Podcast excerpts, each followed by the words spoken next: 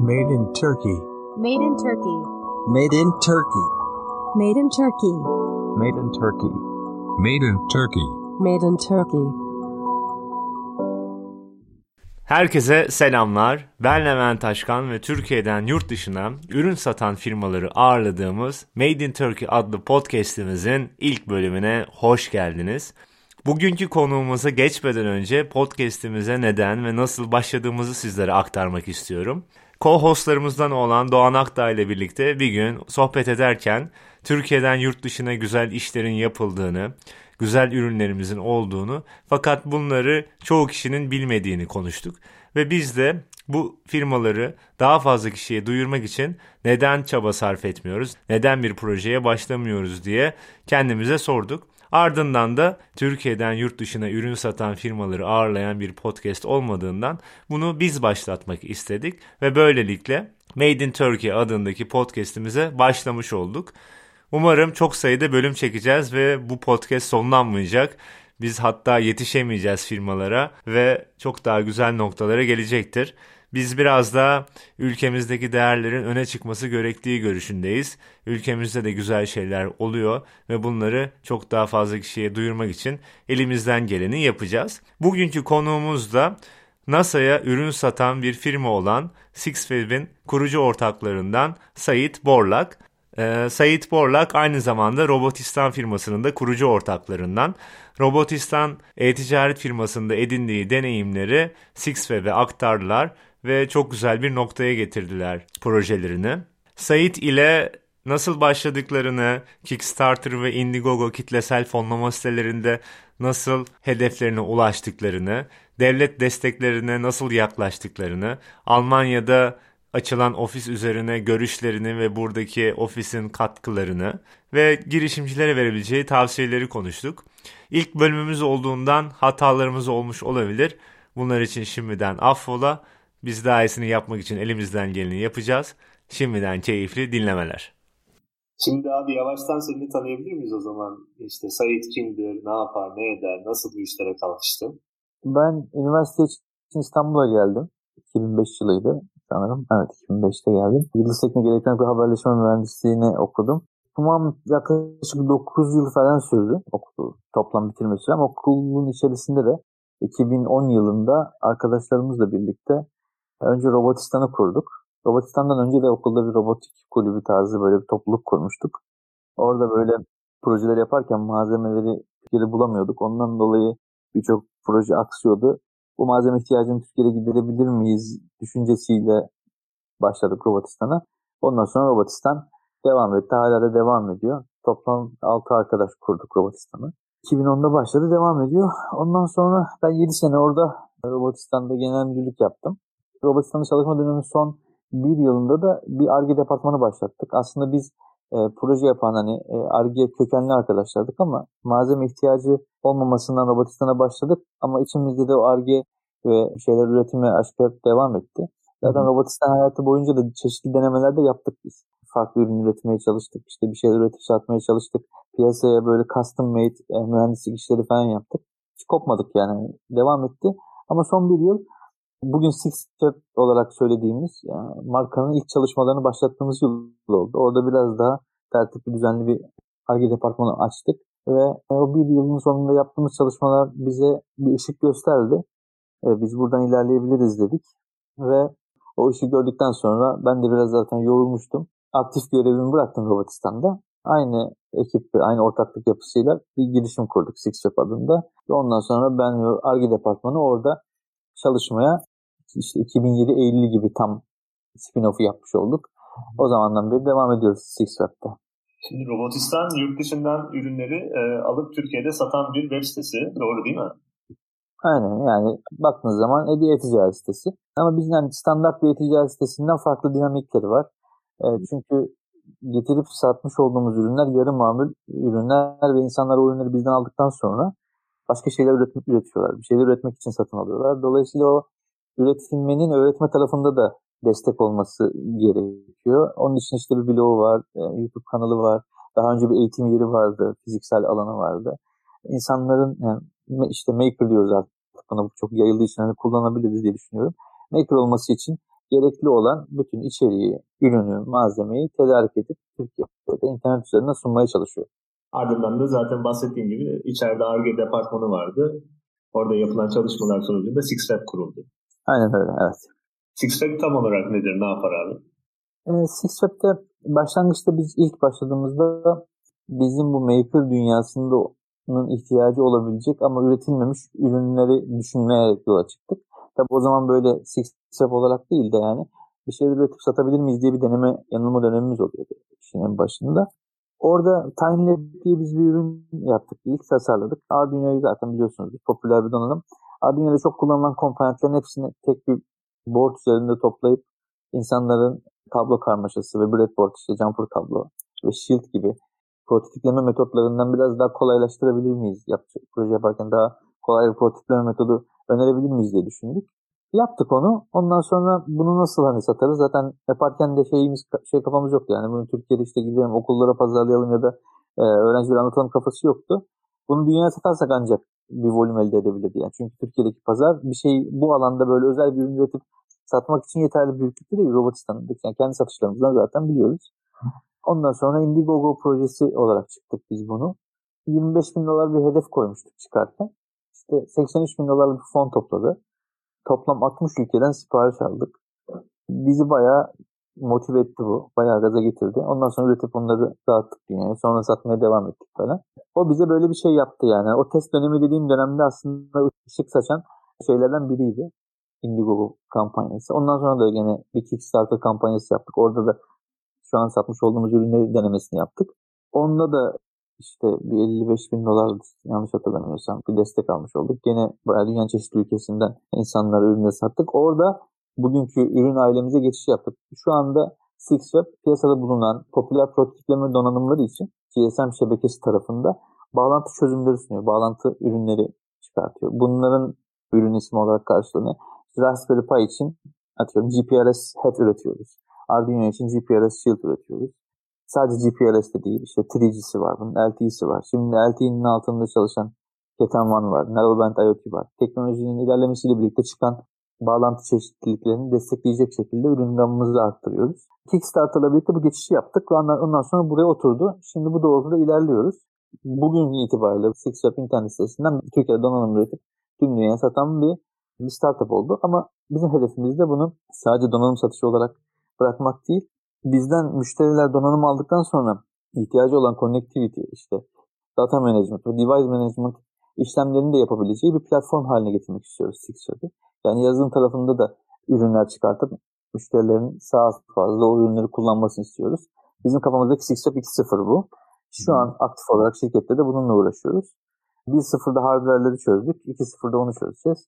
Böyle bir yol haritamız var. İlerleyen zamanlar içinde yine farklı planlarımız var ama şimdi gene bir Yine bir eşikteyiz. Yine bir geçiş çevresindeyiz TikTok olarak.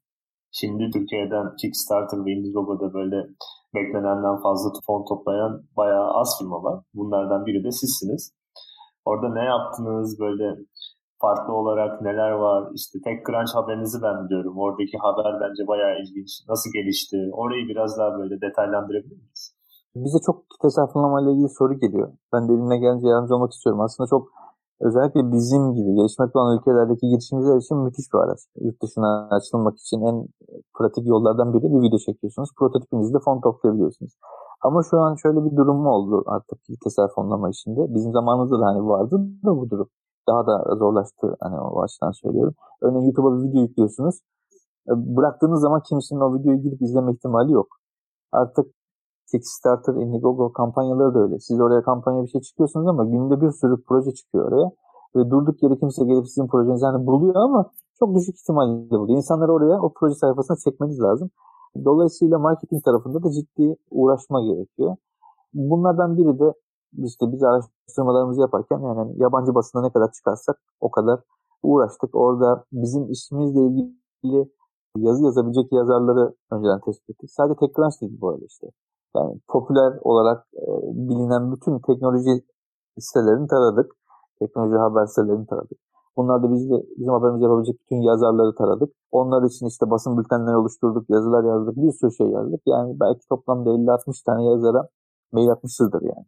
Tam rakamını şu an hatırlamıyorum. Bayağı zaman oldu ama hani o kadar olmuştur. E, onların içerisinden bir iki tanesi haber olabildi. Yani dönüşüm oranı öyle bir oran. O haberde tabii bayağı bir şey etkiliyor yani. TechCrunch'ta haberin çıkması güzel oluyor. İnsanlar geliyor, proje sayfasını ziyaret ediyorlar. Orada görüp ondan sonra copy paste oradaki haberi kullanılmayan çok daha fazla internet sitesi oluyor. Biz Japonya'dan bir sürü sipariş almıştık. Yani Japonya'dan sipariş nereden geliyor falan diye baktığımızda Japonya'da TechCrunch'ın Japonya'sıydı galiba. Ya da başka bir teknoloji sitesinin Japonya'sı. TechCrunch haberini çevirmiş Japonca'ya. Orada yayınlamış. Ondan sonra oradan gelmiş insanlar falan. Bu tarz böyle değişik katkıları oluyor. Bunu karşılığında da bir şey de ödememiştik yani. Hani herhalde bir lokum falan hediye ettik ya da ürün falan hediye ettik. Öyle basit şeylerdi yani. Uğraşınca, yeteri kadar insan ulaşınca yazara elbette birkaç tanesinin ilgisini çekip haber yapıyor. Bunun gibi başka yani marketing çalışmaları da yaptık. Yani olabildiğince fazla insanı çektik oraya ki hani biraz işte satış yapabilelim diye. En azından doğru test edebilelim diye. Yani hani yeteri kadar insan sokamazsanız içeri iyi bir ürün yapmış olsanız bile sonuç başarısız gibi gözükse de belki hani normalde yeteri kadar insan gelmiş olsa başarılı olabilecek bir ürün başarısız gibi de gözükebilir. Dolayısıyla olabildiğince fazla insanı içeriye sokmak gerekiyor. Bu tarz çalışmalar yaptık evet. TechCrunch'ta güzel dönüş aldıklarımızdan biriydi. Şeyle alakalı sorum şimdi abi. Şu an SixFab'de bir e-ticaret sitesi, Robotistan da bir e-ticaret sitesi. Robotistan Türkiye'ye ürün satan bir e-ticaret sitesi. SixFab'de tamamıyla yurt dışına ürün satan bir e-ticaret sitesi. Tamam aslında siz bir e-ticaret sitesi üzerinde bayağı bir bilgi birikimimiz mevcut. Buradaki pazarlama alanında ne tarz çalışmalar yapıyorsunuz? Herhangi bir e-ticaret sitesi olarak düşünebilirsiniz sizin iki sitenizde olarak. Ama daha çok yurt dışından böyle detaylar paylaşırsak daha güzel olur. E-ticaret sitesinin bir de birlikte siz yurt dışına ürün sattığınızdan dolayı getirmiş olduğu bu kargolama, gümrükleme gibi durumlar mevcut. Buralarda nasıl ilerliyorsunuz? Sizin şu an yurt dışında ofisiniz mevcut mu? Mesela Almanya'da ya da Avrupa'nın herhangi bir ülkesinde. Burada vergilendirmeyi nasıl yapıyorsunuz? Ya da orada şirket kururken nelerden faydalandınız? Bunlar üzerine böyle bir detaylı bir bilgi verebilirsen süper olur. Ortaklarımdan İsmet de benden sonra Robotistan'da genel müdürlük görevini o almıştı yaklaşık işte bir seneden biraz fazla orada çalıştıktan sonra onu da Sixer'e transfer ettik. Sonra Yasin de devraldı Robotistan'da görevi. İsmet'in zaten hani alanı dijital marketing olduğu için o şu an dijital tarafta yapılabilecek birçok şeyi yapıyor. İçerik üretiyoruz. İçerik üzerinden müşteri çekmeye çalışıyoruz. Bizim Sixer tarafındaki önemli avantajlarımızdan biri de yapmış olduğumuz ürünlerin birçoğunu dünyada ilk olarak biz ortaya çıkarttık. Mesela işte biz Raspberry Pi Narrowband IoT Head yapıyoruz. Ürün ismi Raspberry Pi Narrowband IoT Head. Yani aslında ürün ismi ürünü açıklayan cümle olmuş oluyor. İnsanlar bu ürünü ararken de Google'da Raspberry Pi Narrowband IoT Head diye arıyorlar. Yani hani böyle bir ürünün varlığından bilmese bile bu ürünün ismiyle arıyorlar. Dolayısıyla dijital tarafta öyle bir avantajımız var. Biz bu ürüne X, Y, Z diye özel bir isim vermiyoruz. O açıklamadan dolayı bayağı bir ürün ismiyle ürün açıklamasının aynı olmasının bence bayağı bir yararı oluyor. Onun haricinde de işte Google reklamları devam ediyor, retargeting devam ediyor.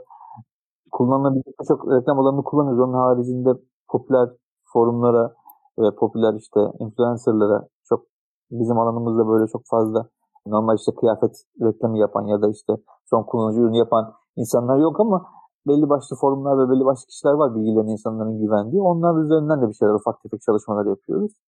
Böyle devam ediyor marketing tarafı.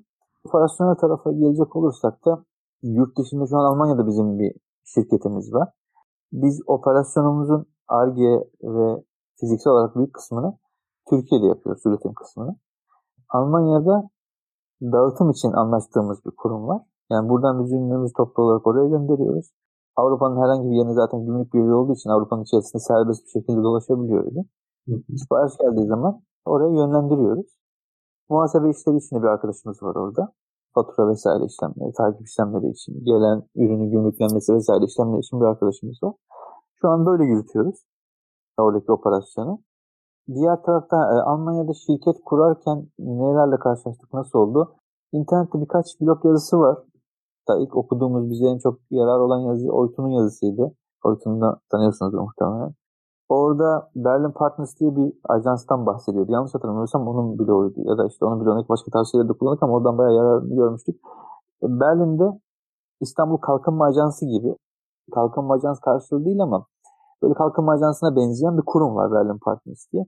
Berlin'de malum bir girişimcilik ekosistemi var. Devlet de o ekosistemi destekliyor. Büyümesini sağlatıyorlar. Berlin Partners burada o büyümeyi organize eden bir rol üstleniyor. Siz eğer belirledikleri öncelikli alanlar var. İşte IoT bunlardan biriydi. Information Technologies'in altında IoT alanını destekliyoruz diyordu. O alandaysanız oradaki işte şirket kurulumu, e, avukat bulma, orada çalışan bulma, e, oraya bir müdür atacaksan ya da dışarıdan başka bir ülkeden oraya bir çalışan gelecekse onun oturma izinleri vesaire, tanıtım giderleri gibi konularda destek oluyorlar. E, hibe şeklinde yani hani herhangi bir karşılık beklemeden karşılığı orada bir ekosistemin oluşması şeklinde. E, biz onları duyduk. Birkaç arkadaştan da Türkiye'de Berlin'e giderseniz hani onlarla görüşün diye bilgi almıştık. Ondan sonra biz şirket kurmadan önce direkt onlara gittik ilk.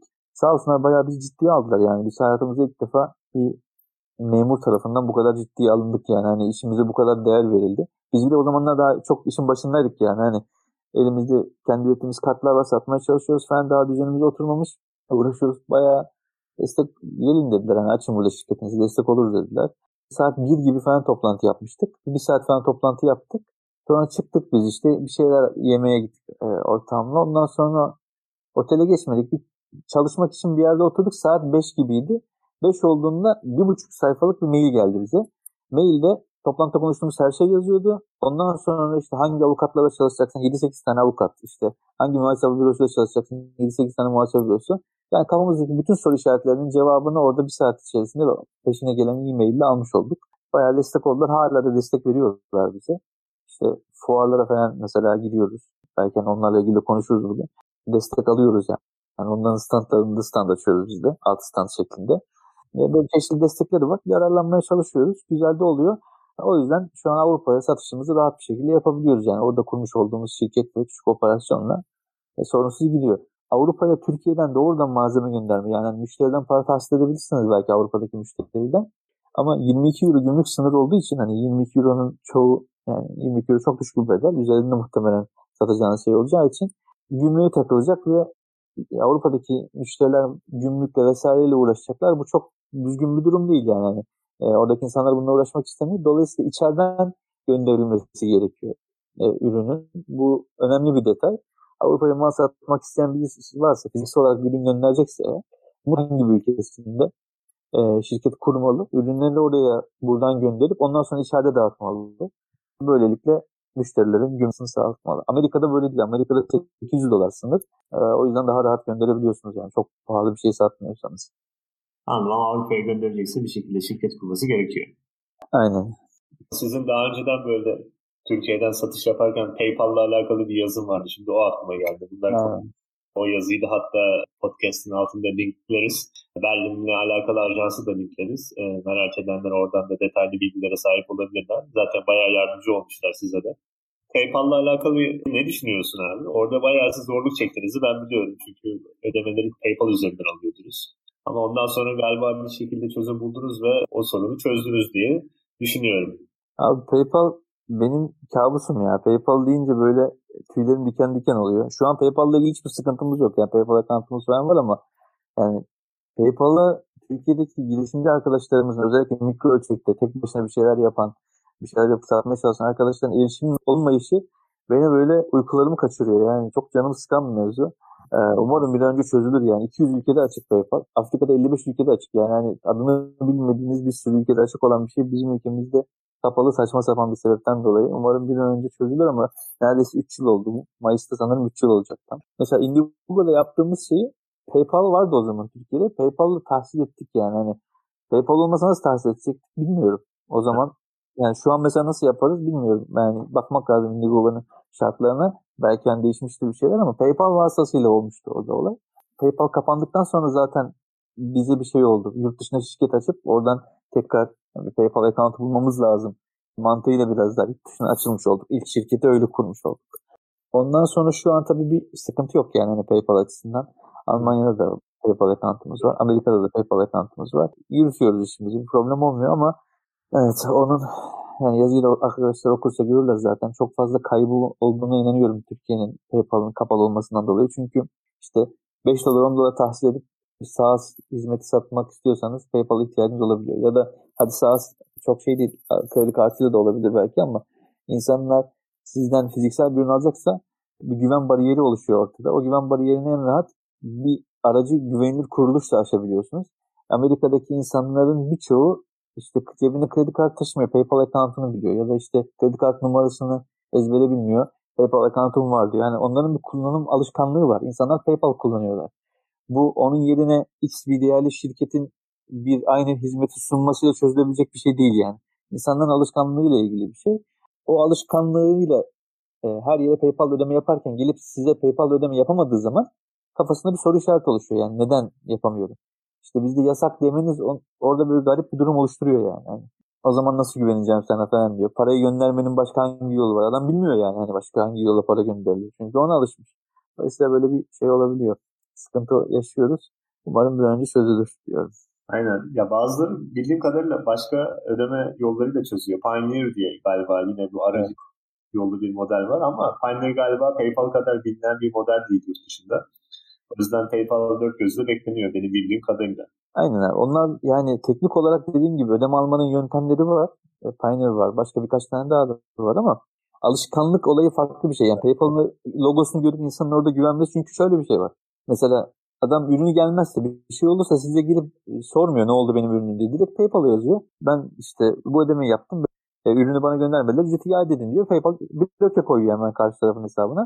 Ondan sonra adam oradan parasını garantilemiş oluyor. İnsanların istediği konfor bu yani. Umarız PayPal sorunu çözülür. Berlin Kalkınma Ajansı ile ilgili konuşurken e, fuarlardan da bahsetmiştim. E, siz şimdi yurt dışında fuarlara gidiyorsunuz. Buradaki fuarlarda destek alıyor musunuz Türkiye'den? Burada bir destek e, fonu mevcut mu yoksa zaten e, o kalkınma ajansının sağladığı şekilde mi ilerliyor? Ya da yoksa kendiniz direkt kendi cebinizden mi ödüyorsunuz? O fuarları biraz daha böyle nasıl katıldığınız hakkında bilgi paylaşabilir misiniz? Orada aslında üçü de olmuş oluyor. Bel halklar var. O fuarlar eğer bizim ilgimizi çekiyorsa söylüyoruz biz katılmak istiyoruz diye. Uygun yer varsa götürüyorlar bizi de. Götürüyorlardan kastım işte fuar alanına onlar toplu bir yer kiralıyorlar. Onun içerisinde küçük bir startup masası ayarlıyorlar. Onun için sembolik bir ücret alıyorlar sizden. Hani fuarda normalde 10x ücret ödeyecekseniz oraya 1x ödüyorsunuz. O şekilde ekonomik bir şekilde fuarda standartlaşmış oluyorsunuz. Oranın desteği o şekilde. Türkiye'de ihracatçı birliklerine kayıt olduktan sonra Ekonomi Bakanlığı'nın ihracat yapan şirketlere vermiş olduğu bazı destekler var. Yurt dışı seyahat desteği, yurt dışı fuarda standartlaşma desteği gibi. Fuarda standartlaşma destekleri belirlenmiş bir fuar listesi var. Ekonomi Bakanlığı'nın internet sitesinde vardı bu. Tabii şimdi bakanlıkla değişti ben bilmiyorum oradaki şeyler ne oldu tam da.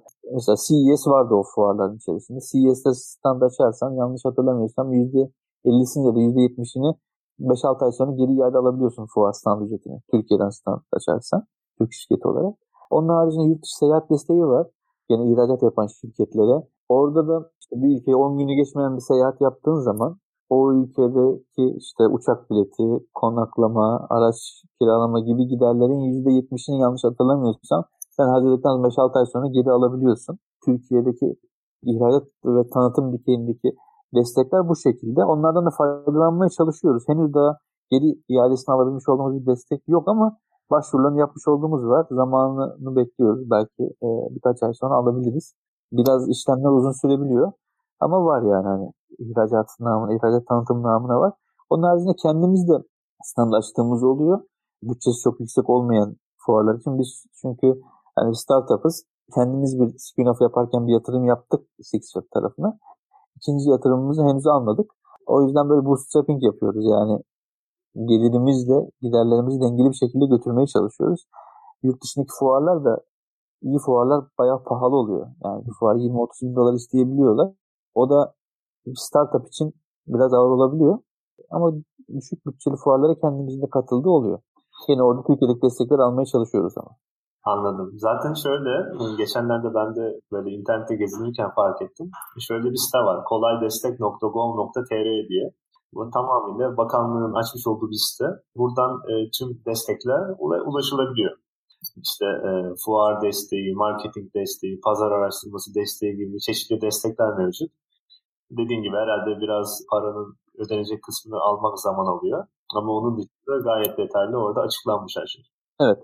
Aynen. Yani destek açısından Türkiye'deki durum bence bayağı güzel. Sadece yani mevcut desteklerin uygulama tarafında ciddi gecikmeler olabiliyor. Ama ben hani baktığım zaman gerçekten destek açısından iyi bir dönem olduğunu düşünüyorum. Yani TÜBİTAK tarafında verilen destekler var. COSGAP tarafında verilen, Ekonomi Bakanlığı tarafında verilen destekler var. Bunları gerçekten kovalayacak enerjisi varsa şirketin, çünkü ciddi bir operasyon, ciddi büyük, karşılığını alabilirler. Ama nedir işte bir yıl uğraşırsınız, bir ekipte bir arkadaş sadece enerjisini ona verir. Geri alacağınız ödemeyi işte 3 sene sonra almaya başlarsınız ama bir şekilde alabilirsiniz. Böyle uzun vadeli bir yatırım gibi düşünülebilir yani. 2 yani yıl 3 yıl sonra alacak şekilde düşünülebilir.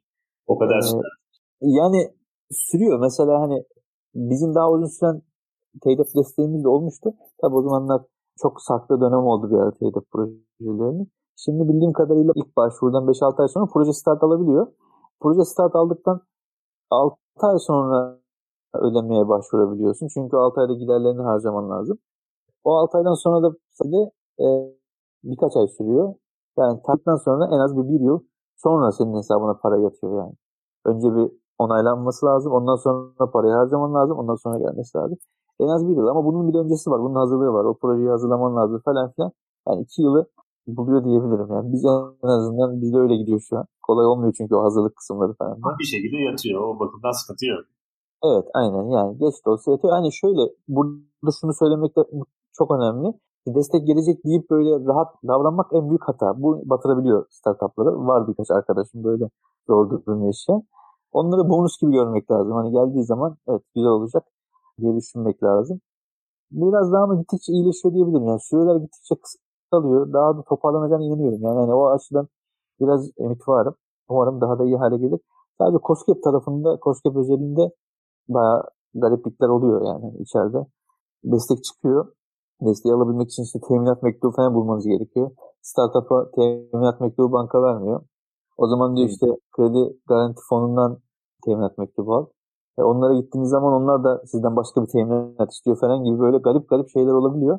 Biraz zor COSGAP tarafındaki süreçler ama onun da kolay alınabilen başka destekleri de var. Anladım. Şimdi başka bir konuya değineceğim. Böyle Twitter'da search yaparken senin tweetlerini, sen bir tweetin var. Almanya'dan böyle beklenmedik bir şekilde bize bir devletinden para geldi işte vergiyle alakalı diye. Burada olur muydu diye sormuşsun. Bu tarz abi seni şaşırtan hikayeler ya da böyle bu tarz işte işler yaparken yurt dışında ürün satarken e, böyle öğrendiğin bir daha olsa tekrarlamayacağın şeyler var mı? O örneği söylemek istiyorum. İşte biz Türkiye'de yani neredeyse 10 sene oldu ticaret yapalı. KDV dengesi dediğimiz bir olay var. Yani bir şirketin evet. ay, bir ay içerisinde almış olduğu KDV vermiş olduğu KDV'den fazlaysa devlet tarafından alacaklı oluyor. Şirkete giren KDV miktarı fazlaysa ise devlete karşı borçlu olmuş oluyor. Ay sonunda devlet onu alıyor. Ama eğer devletten alacaklıysan onu ay sonunda alamıyorsun. Bir sonraki aya dönüyor hesap. Devam ediyor. Biz tabii hiç böyle bir para geri geleceğini başka ülkelerde de tahmin etmedik. Bir gün işte öyle Almanya'daki şirket hesabına bakarken baktım bir yerden para gelmiş. Kim yolladı bu parayı falan diye bakıyorum. Almancam da hiç yok yani sıfır. İşte finansment mi, finansmental mi öyle bir şey yazıyor. Ya bu ne falan filan diye bakıyorum. Baktım vergi dairesi. Niye bunu yolladı vergi dairesi falan diyorum. Muhasebeciyle işte görüştüm oradaki muhasebeciyle. Dedi işte bu sizin o ay devleti fazla KDV, devlet adına fazla KDV vermişsiniz. Onun iadesi dedi. Şok olmuştum yani. yani bayağı bir etkilenmiştim yani. Hani ikinci şey de yine oradaki vergi sistemiyle ilgili benim en çok şaşırtan şeylerden biri de o. Yani bundan daha etkili bir şekilde şaşırttı. Biz mesela Türkiye'de şirket gelir vergisini nasıl veriyor? Normalde yıl bittikten sonra yıl yıl bitiyor. Senin karın var, zararın var. Onun üzerinden %20 kurumlar vergisi dediğimiz vergiyi vermemiz lazım. Ama biz bunu biraz daha erken alıyoruz. Yani üçer aylık dilimlerde alıyoruz. Peşin vergi dediğimiz bir şey var. Ocak, Şubat, Mart bittiği zaman o 3 ay içerisinde senin kar elde ettiysen yıl sonunun bitmesini beklemeden onun %20'sini veriyorsun kar olarak. Türkiye'de sistem böyle. Yani yıl bitmeden 9 ay öncesinden itibaren vergi vermeye başlıyoruz gelir vergisi. Almanya'da sordum nasıl oluyor diye. Burada dedi mesela 2018 yılının vergisini 2018 içerisinde zaten ödemiyorsun. Yani peşin vergi kavramı yok. 2018 bitti. Karın zararını hesaplandı. Ne kadar vergi vereceksin? Atıyorum 10 bin euro vergi vereceksin. O 10 bin euroyu 2020'nin 2019 değil 2020'nin ocağında veriyoruz. Yani aradan 12 ay geçiyor. 13. ayda veriyoruz. İnanamadım buna yani. O parayı ne yapacağız peki? O parayı işte bir sene kullanabiliyorsun diyor. Yani çünkü rahatlar yani hani herhalde ekonomik olarak rahat olduğu için şirketlere böyle bir kolaylık sağlamışlar. kar elde ediyorsun vergi çıkıyor. O vergiyi ondan sonra bir sene kullanıyorsun. Bir sene sonra üstünde ödüyorsun. Bana inanılmaz geldi bu yani. Hani biz burada o kadar erken veriyoruz ya onu. Hatta burada mesela çoğu zaman şöyle oluyordu bizde. Türkiye'de çalışırken. Ocak, Şubat, Mart'ta mesela Mart'ta bir ürün sattım bir şirkete. Ödemesini bekliyorsun. İşte Nisan'da ya da Mayıs'ta gelecek. Onun ödemesi gelmeden vergisi geliyor mesela. Yani insanın bayağı moralini bozan şeyler olabiliyor. Diğer taraftan ama işte bu konularda bayağı rahatlıklar var yani. yani o, Almanya'da vergi konusunda bir şey gördük. E tabi orada da vergi oranı fazla. Bildiğim kadarıyla %30 küsür olması lazım şu an. Daha ödemediğimiz için bilmiyorum. E, %30 küsür 32 miydi neydi herhalde sanırım öyle bir şeydi. Vergi oranı biraz yüksek ama bir taraftan da işte böyle artıları var, eksileri var. Bir de mesela yurt dışına satış yaparken de Türkiye'de satış yapmakla hani kıyaslıyoruz ister istemez bildiğimiz şey olduğu için garip bir kolaylık var yani. yani burada satış süreçleri, sales cycle dediğimiz yani hani başlıyorsun bir şey görüşmeye satıyorsun. Dışarıya göre bayağı uzun. Yurt dışında biraz daha kısalıyor. O kısalıklar da bazen o kadar kısalıyor ki buradan 3-4 ay süren satış süreçleri birkaç saate falan indiği olabiliyor. Onlar falan da bayağı bir şaşırtmıştı. Birkaç yani her zaman olan bir şey değil tabii bu ama olduğu oluyor. Burada çok mümkün değil gibi gelen şeyler orada biraz mümkün olabiliyor. Bu bahsettiğin toplu satışlar için geçerli galiba. Evet aynen toplu satışlar için. Yani perakende satışları zaten e-ticaret sitelerine satıyoruz. Ama bizim zaten odaklandığımız satış B2B satışları. Yani hani şirketlere satış yapmaya çalışıyoruz. E şirketler numunelerine geliyorlar, internet sitesine alıyorlar ama ondan sonraki alımlarını offline olarak biz yürütüyoruz. Fuarlara da aslında katılma sebebimiz o. Yani normalde fuar hani işte 2019 yılında fuar mı kaldı? Hani insanlar her şeyi dijital olarak erişebiliyor ama mesela özellikle Amerika'daki fuarlara ağırlıklı olarak katılmaya çalışıyoruz. Çünkü Amerika'daki Kobilerin yani yaşları 20-25 falan yani 20-25 yaşında şirketler var. Kobi bu hala Kobi. Lifestyle business şekilde götürüyor adam. Adam belki oğluna geçmiş ya da adam işte bayağı bir yaşlanmış falan. Onların böyle fuar alışkanlıkları olduğunu gördük. Fuarlarda böyle bir şirkete aşina olma, şirketi fuarda tanışma, el sıkışma, hani bir temasın olmasının olumlu olduğunu gördüğümüz için fuarlara devam ediyoruz. Ben B2B satış yaptığınızı çok bilmiyordum. Oradaki oran ne peki? Yıllık böyle ciro bazlı düşündüğümüzde B2B mi daha fazla ağırlık basıyor, e-ticaret sitesi mi? Yani orada B2B tarafta şöyle bir şey var. B2B çok geç e, oluyor. Mesela yani biz B2B de e-ticaretle başlıyor. Her e-ticaret B2B dönmüyor. Ama biz onların B2B dönenlerini seviniyoruz. Dönebilecek olanlarını seviniyoruz. Yani bir şirket bizden bir numara olarak ürün alıyor. Ondan sonra o ürünü alıyor, deniyor. Kendi ürünün içerisinde kullanıyor. Onunla bir proje yapıyor. Ee, daha yüksek adetler için bizden teklif istiyor falan. Bu süreçlerin olmasını istiyoruz. Dolayısıyla yani böyle oran verebileceğim çok sağlıklı bir yapı yok. Çünkü her e-ticaretteki online satış aslında oraya açılan bir kapı olmuş oluyor. Ama giderek de orası büyüyor. Çünkü sonradan geliyor yani. yani böyle 6-7 ay sonra, 8-9 ay sonra geliyor. İnsanlar bir tane aldıktan sonra onunla bir proje yapıp o projeyi bitirmeleri ciddi bir zaman alıyor. Giderek arttığını söyleyebilirim abi B2B tarafı. Gayet güzel abi. B2B satış zaten baz olarak daha fazla yüksek batlarda olduğunda o daha fazla katkıda bulunuyordur. Aynen evet. Biz de hoşumuza giden, daha çok hoşumuza giden satışlar. Gerçi hani ihracatın her türlüsü insanlar hoşuna gidiyor. 10 dolarlık satış bile yapsan gidiyorsun işte X bir ülkeye 10 dolarlık bir ürün satmak acayip bir keyif veriyor insana yani. Azı çoğu çok şey değil. Tabii çoğu daha iyi ama azı da bayağı keyif veriyor. Şimdi yavaş yavaş sona doğru geldim abi. Şimdi gayet güzel konuştuk, deneyimlerini aktardın. Sen böyle yurt dışına açılmak isteyenlere ilk başta neler önerirsin? Şu mutlaka yapmanız gereken ya da işte şu gayet detaylıca düşünmeniz gereken noktalar diye böyle aktarabilir misin? Yurt dışına açılmak isteyenlere de bir an önce yurt dışına açılmalarını öneririm. Yani zaman kaybetmemeleri lazım. Çünkü dışarıda çok, büyük bir market var, büyük bir pazar var. İnsanlar deli satışlar yapıyorlar. Ee, bir an önce onlara gerçekten ticaretin tadını almaları lazım. Türkiye'de sadece Türkiye özelinde yani bir şey üretip hele üretip satan varsa bence çok büyük bir hata yapıyor. Özellikle şu an mesela işte görüyorsunuzdur Amazon üzerinden falan çok satış yapan insanlar olmaya başladı. Amazon gibi bir kolaylık varken yani siz şirket açmadan bile Amazon'un deposuna Türkiye'den malzeme gönderebiliyorsunuz. Hem Amerika'ya hem Avrupa'ya gönderebiliyorsunuz. Ya ama şirket gerçi açmak gerekebiliyor da yani açmadan da yapabilenler var işte başka şirketler üzerinden falan yapılabiliyor. Bu tarz böyle Amazon'a ürün gönderme işi yapan şirketler falan var. Neyse o kısım çok önemli değil ama çok kolay bir şekilde yani operasyonla vesaire uğraşmadan ürününüz varsa düzgün bir ürününüz ve bu ürünün insanların ihtiyacı varsa rahatlıkla satabiliyorsunuz. İşler çok kolaylaştı yani dijital tarafta. Kesinlikle vakit kaybetmemeleri lazım. Yani yurt dışına açılma işinde execution yani. yani direkt iş yapmaları lazım. Direkt girmeleri lazım. Hiç gözlerinin korkmasına önce gerek yok. Türkiye'de ticaret yapmaktan çok çok daha kolay yani yurt dışında ticaret yapmak. Ee, elbette ki hani bunları söyleyip de böyle orası çok güzel rahat demiyorum ama onun da kendine has zorlukları var ama hani burada bir şeyler başarabiliyorsa bir insan beklemesi için hiçbir sebep yok. Yani beklemesi bence kendisine vereceği en büyük zarar. İşin marketine göre işte Avrupa içerisinde ya da Amerika odaklı gidilebilir. Avrupa'da eğer son kullanıcı ürün tarzı bir ürün yapılıyorsa hani 23 tane yanlış hatırlamıyorsam ülke var. Dolayısıyla her birinin e-ticaret dinamiği farklı. İşte atıyorum Almanya'da mesela kredi kartı bildiğim kadarıyla toplumun işte %25'inde falan var. Yani Türkiye'de mesela kredi kartı herkesin cebinde var ama Almanya'da o kadar yaygın bir ürün değil. Almanya'daki e, ödeme yöntemleri biraz daha farklı. İşte SEPA falan filan var. E gidiyorsun bakıyorsun Hollanda'ya Hollanda'da daha farklı ödeme yöntemi var. İnternetten arama alışkanlıkları, satın alma alışkanlıkları farklı.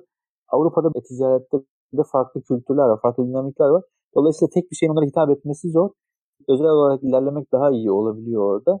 O zaman da işte nüfus parçalanıyor, pazar bayağı ufalmış oluyor. O yüzden başlangıç için ürün çok Amerikalılara ters değilse yani nasıl öyle bir şey olur bilmiyorum ama Amerika ile başlamak daha mantıklı. Çünkü 300 milyon nüfus var ve hepsi tek bir ülke. Yani aynı dili konuşuyorlar. Aynı pazarlama yöntemi işe yarayabiliyor. Ödeme alışkanlıkları ortak. Hızlı bir şekilde Amerika'da ürün satışını test edebilirler, deneyebilirler diye düşünüyorum. Aynen Avrupa'da hem çok daha fazla ülke olduğundan hem de çok daha fazla dil seçeneği olduğundan bazıları da işte kendi dillerini bayağı konuşmak istediklerinden direkt onlara özel reklamlar çıkmak gerekiyor. Bu yüzden Amerika daha bence de daha mantıklı ilk başta. Tabii ürün Amerika'ya hitap ediyorsa. Evet, aynen öyle. Senin eklemek istediklerin bir şey var mı bu konuştuğumuz dışında? Güzel oldu. Böyle derleyip toparlamış olduk. Yani bizim ülkemizde şu an ihracat yapmak bence yapılabilecek en mantıklı işlerden biri. İhracata çok uygun bir dönemdeyiz. Çünkü kur farkı var ciddi manada. İşte buradaki işçilik giderleri bayağı artık uygun. Çin'den bile daha düşük neredeyse şu an asgari ücret. Ülkede üretilen çok fazla ürün de var. E, bunları hızlı bir şekilde yurt dışına pazarlayıp satmak için iyi bir dönemde olduğumuza inanıyorum. İyi bir fırsat olduğuna inanıyorum. Umarım imkan olanlar bu fırsatı iyi bir şekilde değerlendirirler. Sait Borla tekrardan ilk katılımcımız olduğundan dolayı teşekkür ediyoruz. Bir sonraki bölümlerde görüşmek üzere. Sevgiler. Bölümü dinlediğiniz için çok teşekkürler. Umarım bu bölümden keyif almışsınızdır. Bizi takip etmek isterseniz Spotify, Spreaker ve iTunes üzerinden Made in Turkey yazarak kanalımıza ulaşabilir ve ilk bölümlerimizden siz haberdar olabilirsiniz. Ayrıca bu bölümden keyif aldıysanız arkadaşlarınızla da bunu paylaşmak isteyebilirsiniz. Ne kadar çok fazla kişiye podcast'imizi ulaştırırsak o kadar Türk projelerinin, Türk firmalarının etkisini de duyurmuş oluruz. Bize bir sorunuz olursa da selam et madeinturkey.xyz adresinden veya twitter.com slash madeinturkeyxyz URL'sinden bize her zaman ulaşabilir. Görüşlerinizi, yorumlarınızı aktarabilirsiniz. Görüşmek üzere.